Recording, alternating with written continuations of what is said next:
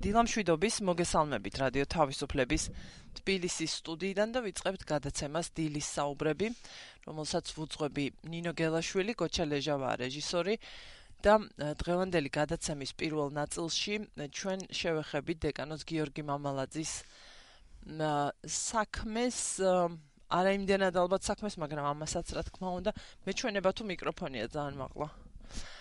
და ან ხმასაყურში მადლობა და ვილაპარაკებთ მის მდგომარეობაზე და იმის თაობაზე თუ რა პერსპექტივა აქვს მისი სასჯელის გადავადებაზე მსჯელობას რომელიც გუშინ დაიწყო ამ თხოვნით თუ მოთხოვნით არ ვიცი მიმართა EMC-მ სასამართლოს კეთი ჩუტლაშვილი EMC-ის სისხლის სამართლის ადვოკატი გახლავთ ჩვენი სტუმარი დიდი მადლობა მობრძანებისთვის. მოგესალმებით. ცოტა კეთ მოიწიოთ რომ ჩვენმა მაყურებელმაც კარგად დაგინახოთ. ჩვენი გადაცემა ეთერში გადის ყოველ სამუშაო დღეს 10 საათზე რადიო მაესტროს სიხშირეებზე.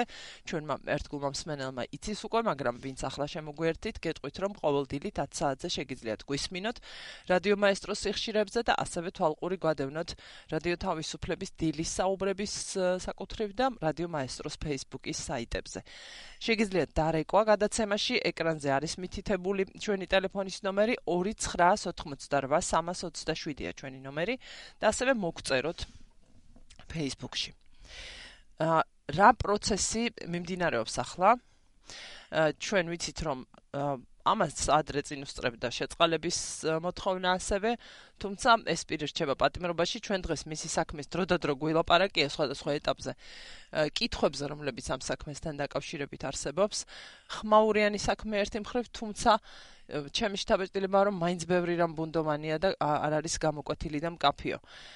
და ვილაპარაკოთ იმაზე, რაც ზუსტად ვიცით, რა მდგომარეობაშია ის ახლა დავიწყოთ ამით. კი ბატონო მივესალმები. მოსმენელებს მნიშვნელოვანია აღინიშნოს რომ ჩვენ გიორგი მამალაძის სისხლის სამართლის საქმის შეფასებაც გავაკეთეთ.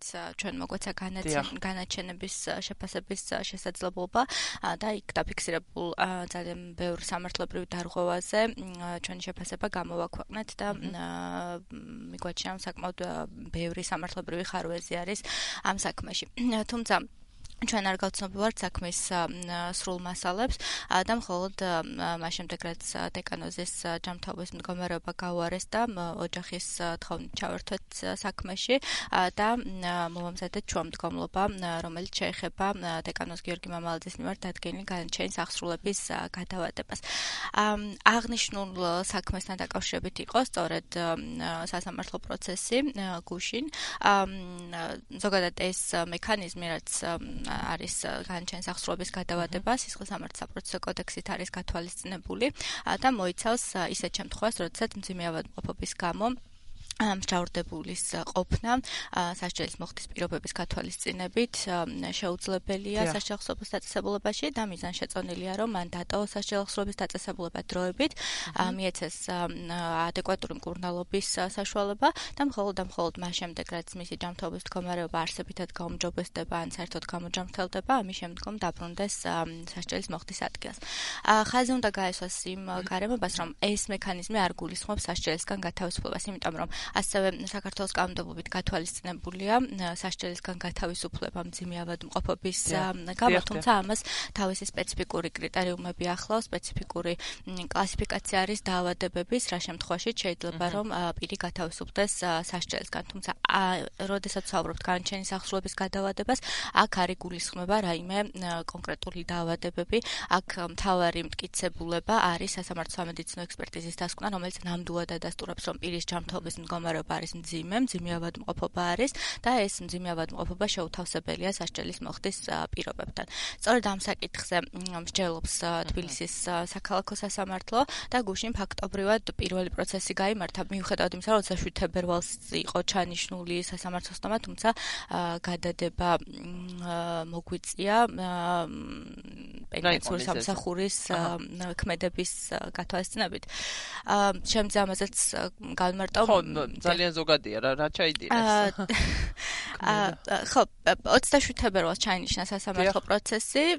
მოსამართლის გადაწყვეტილებით თბილისის საქალაქო სასამართლოში უნდა გამართულიყო ეს პროცესი თუმცა როდესაც ადგილზე მივედით პენტენციური სამსახურისგან დახვდა წერილი მათ სასამართლოს მიეწოდეს ინფორმაცია რომ თითქოს სასამართლო სამედიცინო ჩანაწერებით არ დასტურდებოდა ნამდვილად რომ გიორგი მამალაძეს არ შეეძლო გადაადგილება და უარს აცხადებდა იგი სასამართლოში ეტაპირებაზე და ამ მიზეზით ითხოვდა პენტენციური სამსახური რომ სასამართლო პროცესები ჩატარებულიყო მსაჯელის მოხდის ადგილას. ჩვენ ბუნებრივია რომ ეს ინფორმაცია გადავამოწმეთ თავად პენტენციურ სამსახურისგან ნომერ 18 დაწესებულებისგან გამოვითხოვეთ ინფორმაცია და მათ პრინციპში მოუწეთ აღიარება რომ თავად არ შეუთავაზებიათ დეკანოზისთვის სასამართლოში ეტაპირება.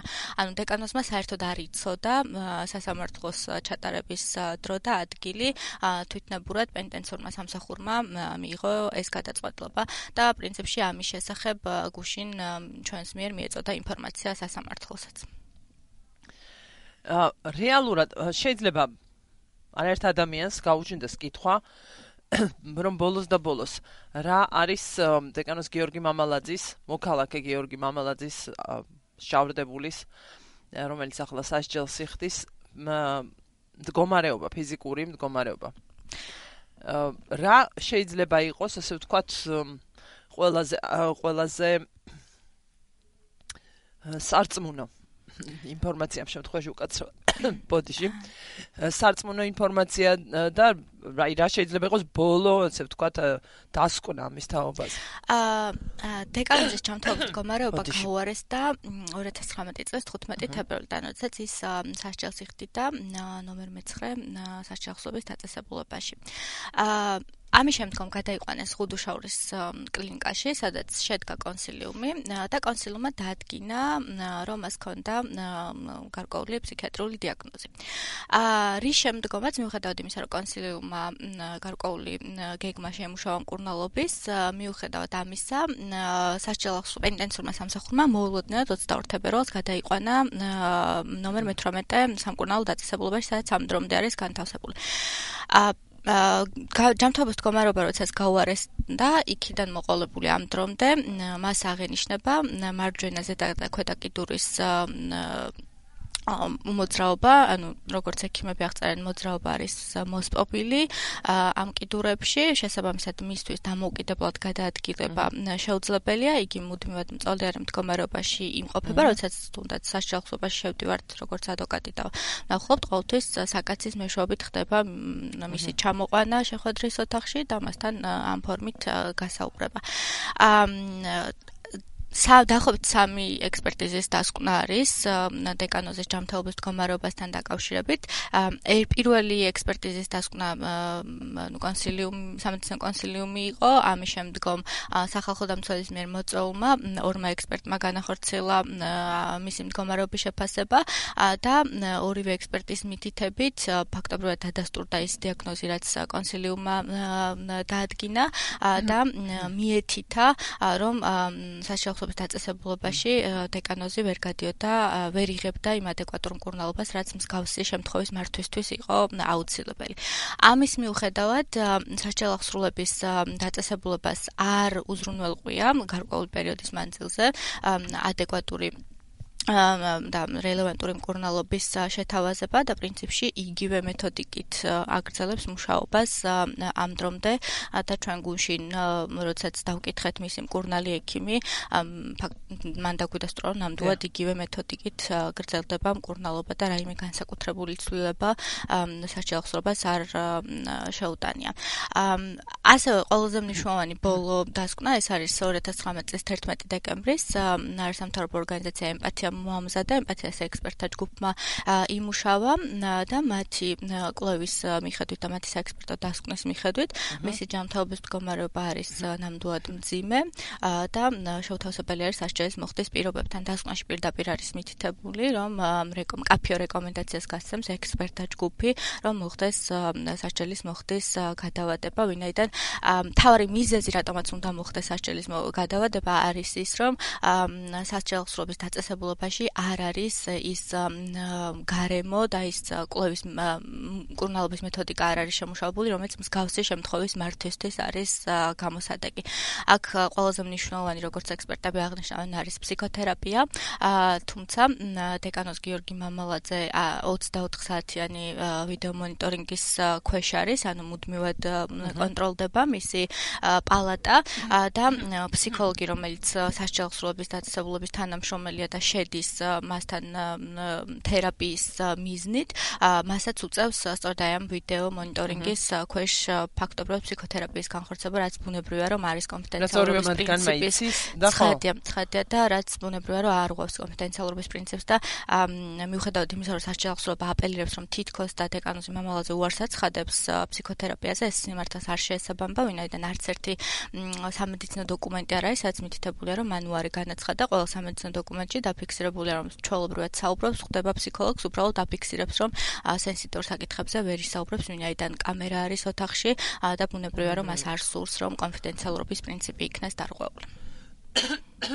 ბოდიშ გიხდეთ კიდევ ერთხელ. აა იცით რაზე ვფიქრობ, რომ არა აი თქვენი შაბეჭდილება როგორია? თქვენი დაკვირვება. რომ არა ამ საქმის გახმაურებულობა? რა ხდება ხოლმე მსგავს შემთხვევაში? თუ გქონიათ გამოცდილება სასჯელის გადავადების მოთხოვნაზე მსგავსი მიზეზით შეიძლება არა ზუსტად ასეთი მაგრამ მსგავსი მიზეზით როცა საქმე ჯანმრთელობას უკავშირდება რომ არ თუ რომ არ იყოს გახმაურებული ეს საქმე რომ არ იყოს რომ იტყვიან 1000 თვალი და რაღაცა 1000 ინტერესი გნებავთ როგორ წარიმართებოდა ეს პროცესი? აა, კი ბატონო, მიუხედავად იმისა, რომ ესეთი დიდი პრაქტიკა ჩვენ სასამართლოებს არ აქვთ, მსგავსი შემთხვევების უფრო მეტად ხდება ხოლმე ძიმავად ყოფობის გამო სასჯელისგან გათავისუფლების მექანიზმის გამოყენება ან განაჩენის ახსოვების გადავადება, როდესაც ორსულობის შემთხვევა არის. ამ საქმეს ბუნებრივია რომ აქვს პოლიტიკური კონტექსტი და მთელი ეს საქმე ფაქტობრივად მთელი ამ პერიოდის მანძილზე სწორედ პოლიტიკური კონტექსტით განიხილება და ეს არის ძალიან სამწუხარო, იმიტომ რომ მნიშვნელოვანი სამართლებრივი ასპექტები რჩება ხოლმე ყოველთვის უკან და თითქოს ვერავინ ვერ დგება ვერც ერთი სახელმწიფო ინსტიტუტი ვერ დგება ამ პოლიტიკურ კონტექსტზე მაღლა რაც ბუნებრივია რომ ცუდია. თვითონ რაც შეეხება პროგნოზს ზოგადად რთულია პროგნოზის გაკეთება, თუმცა იმ პირობებში, როდესაც არსებობს სამი ექსპერტიზის დასკვნა, სამი ერთმანეთისგან დამოუკიდებელი ექსპერტი აფასებს ადამიანის ჯანმრთელობის მდგომარეობას და სამივე ამბობს ერთი და იგივეს. თან ეს ექსპერტები არიან საკმაოდ გამოცდილები, აქვთ გარკვეული სპეციალიზაცია, სწორედ მსგავსი შემთხვევების მართვის, არიან საერთაშორისო ექსპერტები.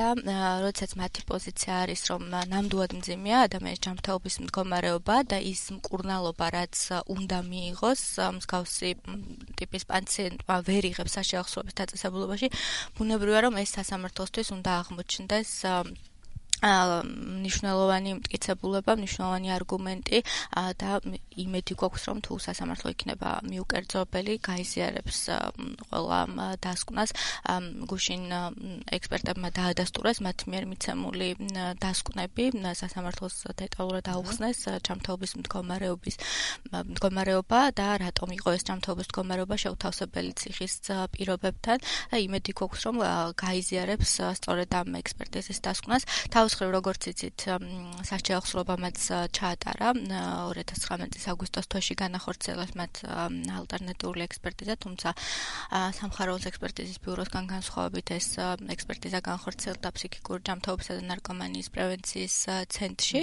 და მათი დასკვნის მიხედვით რომელიც საკმაოდ საჯო დასკვნა არის მითითებული არის რომ თითქოს პაციენტი სიმულირებს თუმცა ამისგან განსხვავებით სამი ექსპერტიზის დასკვნა დასკვნას არ მიუთითებია რაიმე არ გავკეთებია რაიმე განმარტება სიმულირების თაობას. ხო, სიმულაციის გამოვლენა პროფესიონალი როცა არის, თქვა ადამიანი და ექსპერტი არ არის. არ არის რთული, ხო, შეიძლება ვთქვათ რა, მე ვერ შევნიშნო ან სხვა და ასე შემდეგ. მსმენელს და ჩვენს მაყურებელს შეგახსენებთ, რომ ქეთი ჩუტლაშვილი EMC-ის სისხლის სამართლის ადვოკატია ჩვენი სტუმარი და ვლაპარაკობთ დეკანოს გიორგი მამალაძის მდგომარეობაზე და იმ პროცესზე, რომელიც დაწყებულია, კერძოდ მსჯელობა მისი სასჯელის მისთვის სასჯელის გადავადების საკითხზე, რაც უკავშირდება მისი ჯანმრთელობის მდგომარეობას და იმას, რომ პატიმრობის პირობებში შეუძლებელია მისთვის შესაბამისი დახმარების, სამედიცინო დახმარების გაწევა. დაიწყო ეს პროცესი გუშინ და შემდეგი, ასე ვთქვათ, პროცესი როდის არის?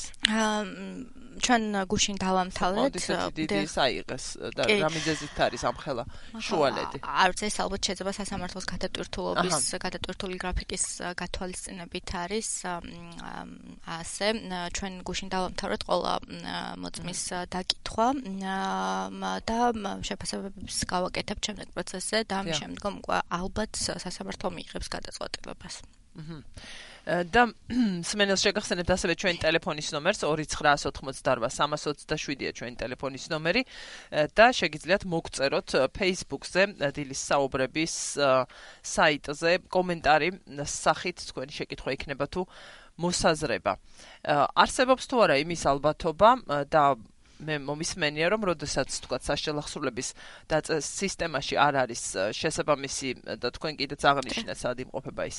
ახლა არ არის შესაბამისი და სამედიცინო მომსახურების გაწევის შესაძლებლობა ხდება აი რისი უფლება აქვს პენიტენციურ სისტემას თქვა სამედიცინო მომსახურებას როცა ეხება საქმე სადამდე აქვს წვდომა რომ იტყვია. აა რეალურად ხო სისტემიდან გამოყვანილი სჯავრდებულებიც და ასე შემდეგ. რეალურად გარდა იმისა რომ პენდენციურ სამსახურს შეუძლია რომ სამხალხო პროფილის კლინიკაში გადაამისამართოს სჯავრდებული.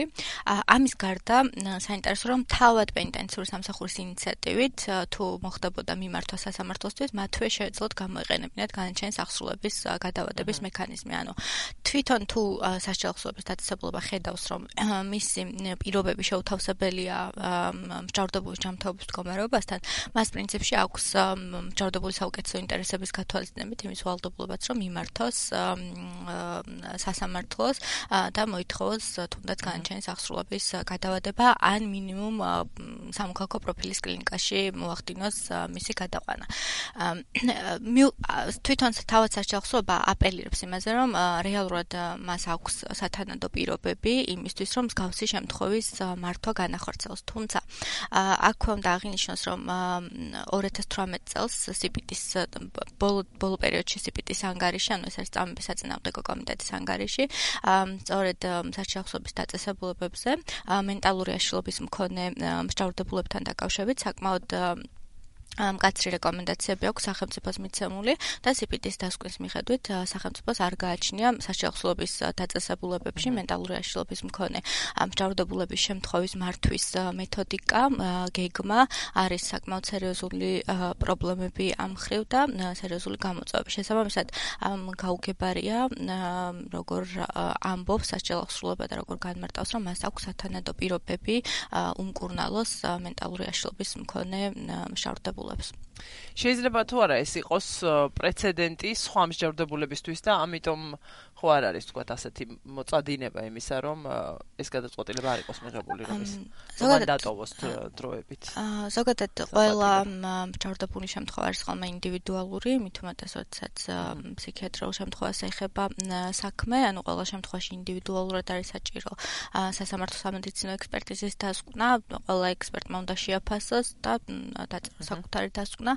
აა თუმცა სამართლებრივად გასაგებია რომ შეიძლება იყოს გარკვეული პრეცედენტი თუ სასამართლო საინტერესო და ადეკვატურ სამართლებრივ განმარტებას გააკეთებს, იმიტომ რომ თვითონ ეს მუხლი სისხლის სამართლის საპროცესო კოდექსის მუხლი გარკვეულწად ბუნდოვანი ეგ განმარტებულია მძიმე ავადმყოფობა, თუმცა რა იგულისხმება მძიმე ავადმყოფობაში არ არის განსაზღვრული და მითითებულია რომ მხოლოდ და მხოლოდ სასამართლო სამედიცინო ექსპერტიზის დასკვნით უნდა დგინდებოდეს.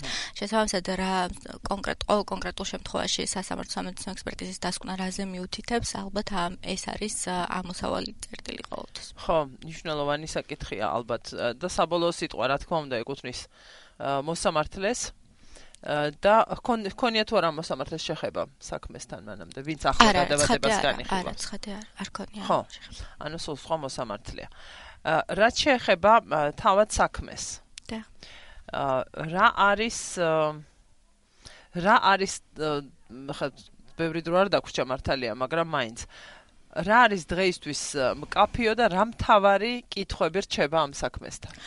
აა კიდევ ერთხელ გამოვარდა ჩვენ მთელი საქმის მასალები არ შეგვისწავლებენ იცით რომ გაუხმაურებლობის ხელწერილი არის ამ საქმესთან დაკავშირებით მათ შორის გიორგი მამალაძესაც უბრალოდ ჩვენაც განჩენების გადახედვის შესწავლის შესაძლებლობა მოგვეცა და აი ამ განაჩენების მიხედვით დავინახეთ ის ძირითადი სამართლებრივი დარღვევები რაც ამ საქმეში არის. პირველ რიგში მნიშვნელოვანი არის რომ თვითონ დეკანოზის დაკავება განხორციელდა გაურკვეველ ვითარებაში და გაურკვეველ გარემოებაში. ბარგის ამოღება იყო საკმაოდ საკმაოდ პრობლემური მისი და სხვა მოტმების დასწრების გარეშე განხორციელდა ბარგის ამოღება ასევე აჩხეკა არ არ ჩატარებულა თქვათ შესაბამისი ვიდეო გადაღების ან ვიდეო ამ ვიდეო გადაღების პროცესში ასევე თვითონ დაცვის ხარეს არ მისცეს შესაძლებლობა აეროპორტის ვიდეო კამერის ჩანწერების მონაცემების გამოთხოვის არ არის ჩატარებული იგივე ციანიდის კონტეინერზე არ არის ჩატარებული ძალიან ბევრი მნიშვნელოვანი საექსპერტო ექსპერტო კვლევა, მათ შორის დაქტილოსკოპიური და ბიოლოგიური ექსპერტიზები არ არის ჩატარებული, ასევე არ არის დადგენილი საქმეზე, რომ ციანიდის შესყიდვის ფაქტი საერთოდ განხორციელდა, ვისგან განხორციელდა ეს შესყიდვის ფაქტი ან როდის განხორციელდა მსგავსი დეტალები, რაც შეიძლება და ყოფილიყო საქმისთვის მნიშვნელოვანი, არ არის დადგენილი და ძალიან ბევრი ბუნდოვანება არის. თვითონ მათ შორის პროცესის დახურვა, იცით რომ მთელი ამ ხნის განმავლობაში დეკანოზის მიმართ მიმდინარე სასამართლო პროცესები იყო დახურული, ესეც აბსოლუტურად გაუგებარია სამართლებრივად, ვინაიდან კონკრეტული სამართლებრივი საფუძველი ამ საქმეში ესე დახურვის არ არსებობდა, თუმცა სასამართლომ აბსოლუტურად ბუნდოვანი და არც ბრალდებული მაშინ მისი მოთხოვნა პირიქით იყო, რომ საჯარო ყოფილიყო პროცესები და არ გაითვალისწინებია. ხო, ეს მის ინტერესში იყო. ზარი გვაქვს დილამშვიდობის გისმენთ.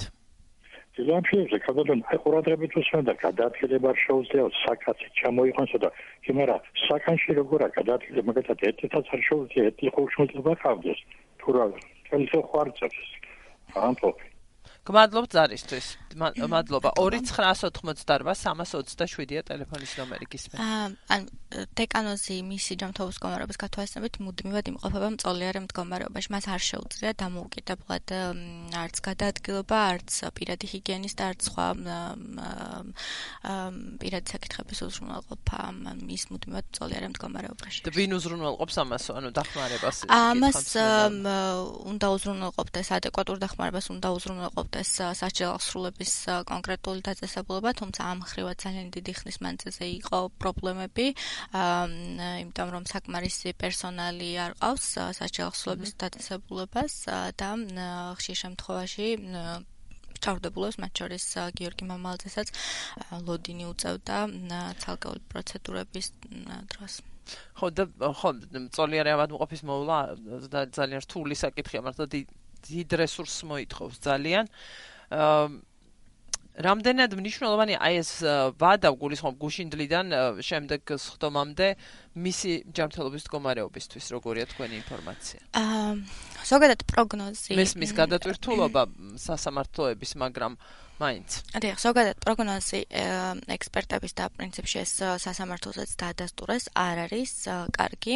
თვლიან რომ მსგავს თუ სწრაფად არ განხორციელდა ჩარევა და სწრაფი მკურნალობას არ დაექვემდებარა ეს შემთხვევა, შესაძლებელია მდგომარეობა უფრო გაუარესდეს. როგორც ექსპერტები განმარტავენ, ინვალიდიზაციის სერიოზული რისკები არსებობს და ასევე არსებობს სხვა სომატური დაავადებების გაჩენის ის რისკები. თვითონ სამწუხაროდ რაიმე განსაკუთრებულ მეთოდ განსაკუთრებული მეთოდიკა და სპეციალური მკურნალობის მეთოდი ამ დრომდე არ შემუშავებია საჭიროების დაწესებულებას და ფაქტობრივად იგივე მკურნალობას აგრძელებს, რასაც საწყის ეტაპზე ძირითადად ეს არის ფიზიოთერაპია, რასაც ექიმი, ნევროლოგი და ფიზიოთერაპევტი ხელმძღვანელობენ.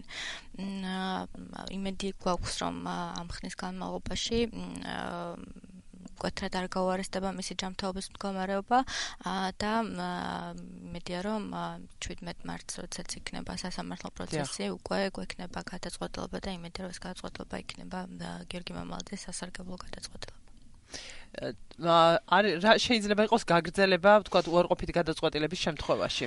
უარყოფითი გადაწყვეტილების შემთხვევაში ერთადაც საჩივრდება მასთან დაკავშირებულში, რომ ხო, ყველაფერი ალბათ ნაფიქრია. ერთადაც საჩივრდება, ბუნებრივია, სააპელაციო სასამართლო შეფასებს შემდგომ ამ საკითხს.